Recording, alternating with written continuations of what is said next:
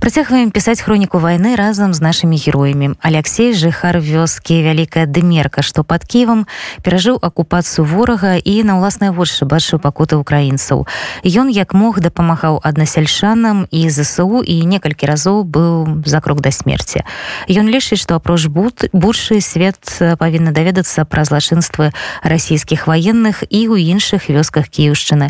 Пасля сыходу акупантаў Алексей падаўся добраахвотна у узу узброеныя сілы Украіны і зараз чакае выклікам. Як праз абставіны змяніўся светапогляд абсалютна не вайсковага дрэва апрацоўшчыкам слухайце у аповедзі Алексея.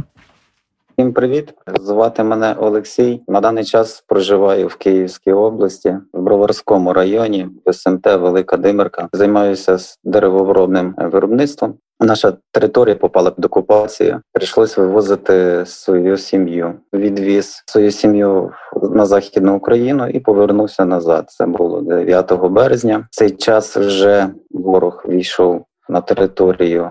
Нашого селища. В цей момент я був в теробороні. Цей день, 9 березня, видавали всім зброю тероборона, і ну звичайно ніхто не був підготовлений протистояти ворогу. Багато ну, хто сховався, ще якимось шляхом вийшов з димерки, і ми осталися на місці. Коли вернувся додому, після того як отримали ми ці всі речі, зброю біля нас пройшло два танки, і мене сусіди попередили. Там ще не всі виїхали. Що на нашій вулиці стояло два танки. Одного я не бачив, е, другий був припаркувався на подвір'ї в дворі одних людей, так як там була досить хороша посадка, дерева високі. З повітря майже техніки не було видно. Ну, Мені вдалося під'їхати досить близько ну, своїм, своїм авто до танка, і так як екіпаж вийшов з техніки і облаштовувалися там, я підійшов до них, бувши впевнений в тому, що в нас є ще в селі тероборона, і що можна буде їх зупинити. Цього не став робити, тому що були ще мирні люди в тилу у мене, вони могли постраждати. Вирішив відступити. Ми пої... Потім я виїхав з цієї частини, поїхав в центр, побачив, що вже тероборони нема. Вони всі роз'їхались. Ми вже не підтримували зв'язок, не координували один одного. Спробував виїхати зі села, але село вже було перегороджене. Стояла техніка, стояв один танк, БТР і Маталига. Ну три техніки, ну три коробки. І на цьому місці був блокпост. Вони цей блокпост розбили, ну зруйнували. Звичайно, я звітанти виїхав, не доїхав до них. Машину сховав за лікарнею. Там у нас є такі вулички, що можна сховати. Ну не проїзні на тому місці, де сховав машину і. Зі себе скинув всю екіпіровку, бронежилет в цивільному всьому не мав е, документи. Я теж сховав телефон, сховав, тому що я не місцевий. Ну я живу там, але приписка і на західній Україні. Західна Україна більш така патріотична, і якщо б я навіть попався в або в полон, або так, вони би скорше всього мене би розстріляли. Я це ну, розумів. І коли це все оставив, там документи сховав там під шифером, був на вулиці. Телефон теж там в іншому місці. І пробирався додому по діагоналі через ну, з півдня на північ, прямо на через село. Там не вуличками, а кажемо городами. Дійшов до центру села. Там пожарна частина в нас була, і в пожарній частині було троє людей. Особисто я їх не знаю. Це були місцеві. Вони були зі зброєю. Вони такі досить старші були. Так як я не міг їм перед, ну, представитися, хто я є, доказати. Вони прийняли, що я мене за диверсант. Але в той час по вулиці йшла одна бабця і сказала, що я там її сусід, і все гаразд, не рухайте хлопця. Хоча могли, мабуть, розстріляти. Ця бабця мене не знала. Ну я вийшов і далі спрямувався йти до себе.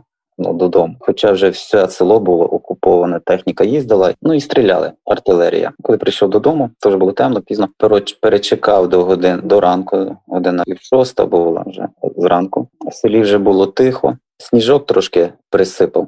Людей вже не було зовсім всі. Скорше всього, що всі, хто хто міг, е, виїхав, а хто ні, то сховалися в погрібах. І вирішив забрати машину там, де я її ставив. Теж йшовши вуличками такими, де техніка не їздить.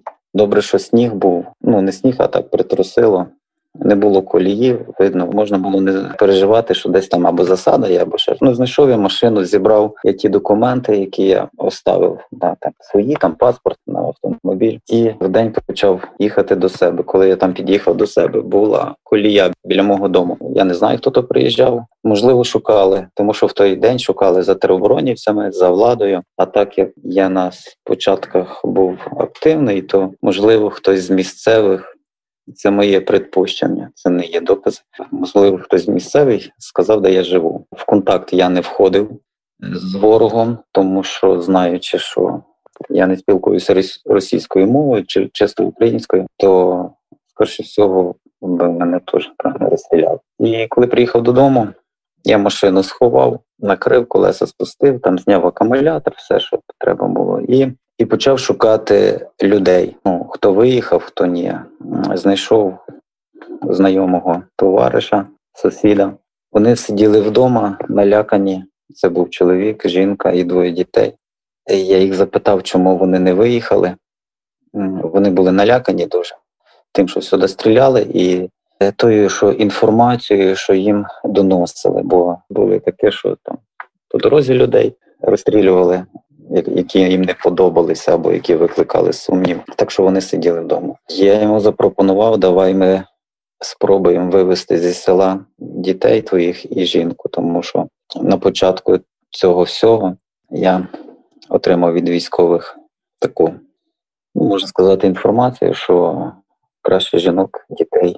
Пошвидше вивозити звідти, тому що ну, це страшні люди. Взяли стару машину, Жигуля, вже селом їздив, знаю вулички, які не прострілювалися, і там там ворог більше всього, що він там не сидів. Запропонував, давай ми проїдемо все дорогою, подивимося. І якщо все гаразд, ми вивеземо жінкою і дітей, дві маленьких дівчинки. На виїзді зі села вже та техніка була спалена. Наші війська її спалили, але не було тіл.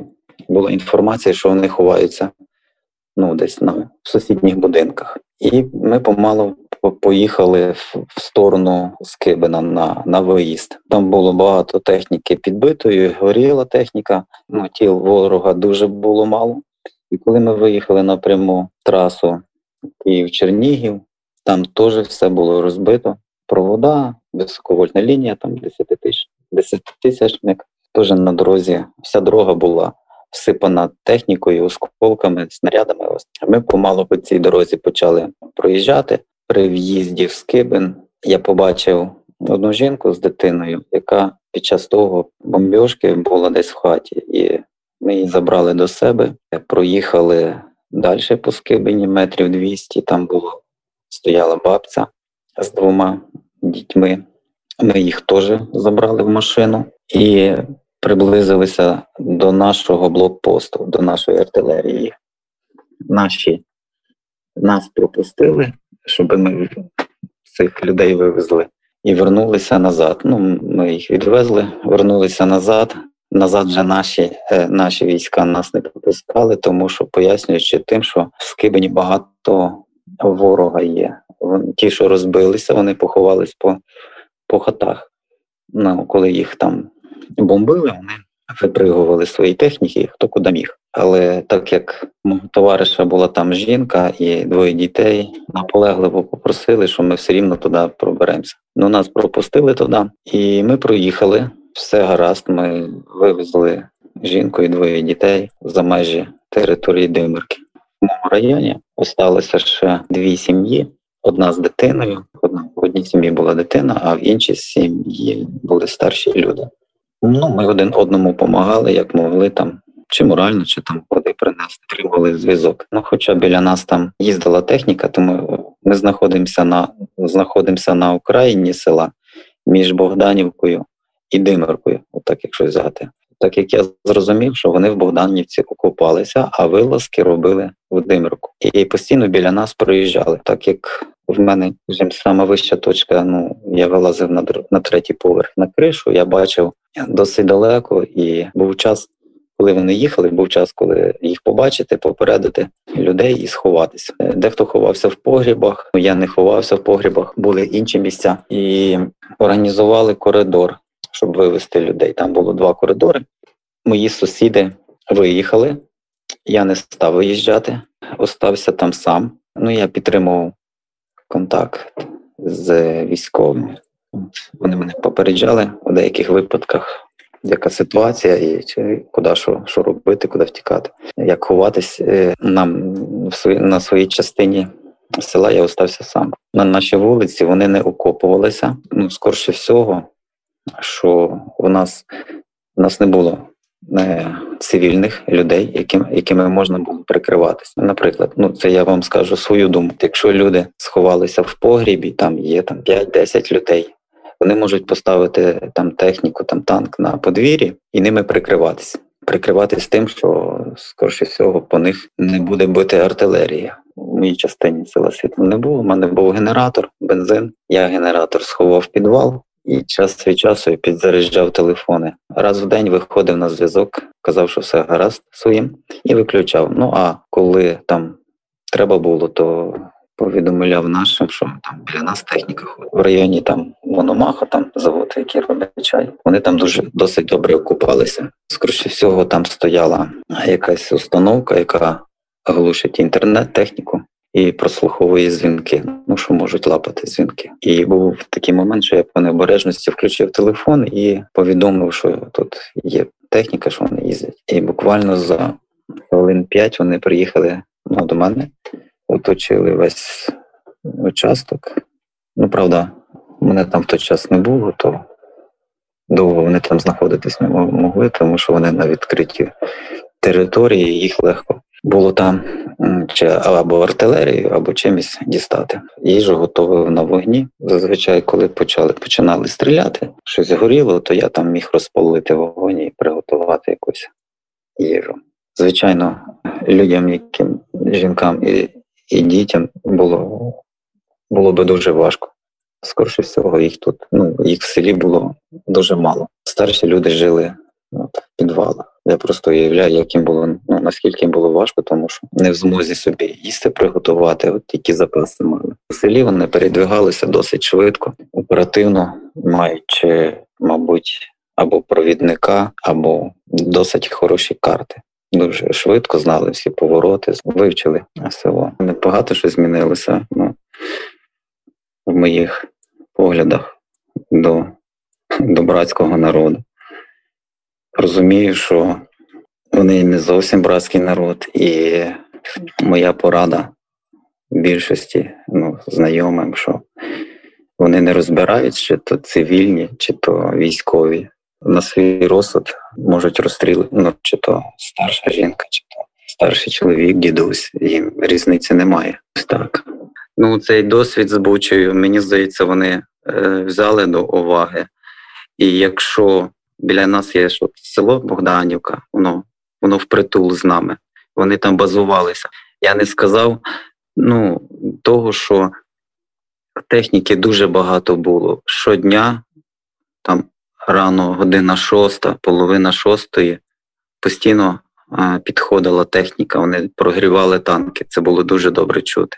І якщо якісь і були а були то точно були жертви, то скорше всього, що вони їх е, скрили. Багато є зараз в селі ну, безвісті пропавших. Ну я не знаю, куди вони їх діли, але багато пропало безвісті. У нас досить е, є такі вулиці, що там досить сильно пострадали будівлі, їх там майже нема. Така вулиця, як Покровського, ціла вулиця зруйнована. Важко відрізнити, де знаходиться чий участок. Там вони були окопані, і скорше всього там їх вибивали. Артилерія била з двох, ну як із тих, так і з тих їх. Ну з двох сторін. Я зараз повертаюся назад на Київщину, але ну треба тримати руку на пульсі. Вони досить швидко пройшли пів України, щоб добратися до ну скажімо, з нашої з північної сторони, от з Білорусі, зі Сходу. Я особисто в мене все гаразд. Я там не пострадав. Я переглянув своє своє життя з початку до кінця. Я не є військовий, я не готовий до таких дій, які почалися. Ну я, я працював в мирний час і робив вироби меблів. Це все. А тут бах на другий день війна починають стріляти. Війна може початися на протязі одного дня. і ми можемо бути не готові, як ну як ворога ворогові відповісти. Поки в нас в Україні йде війна, я вирішив, якщо буду корисним нашій державі, то я піду там на схід чи куди буде потрібно. Я на 100% готовий, що йти у військ.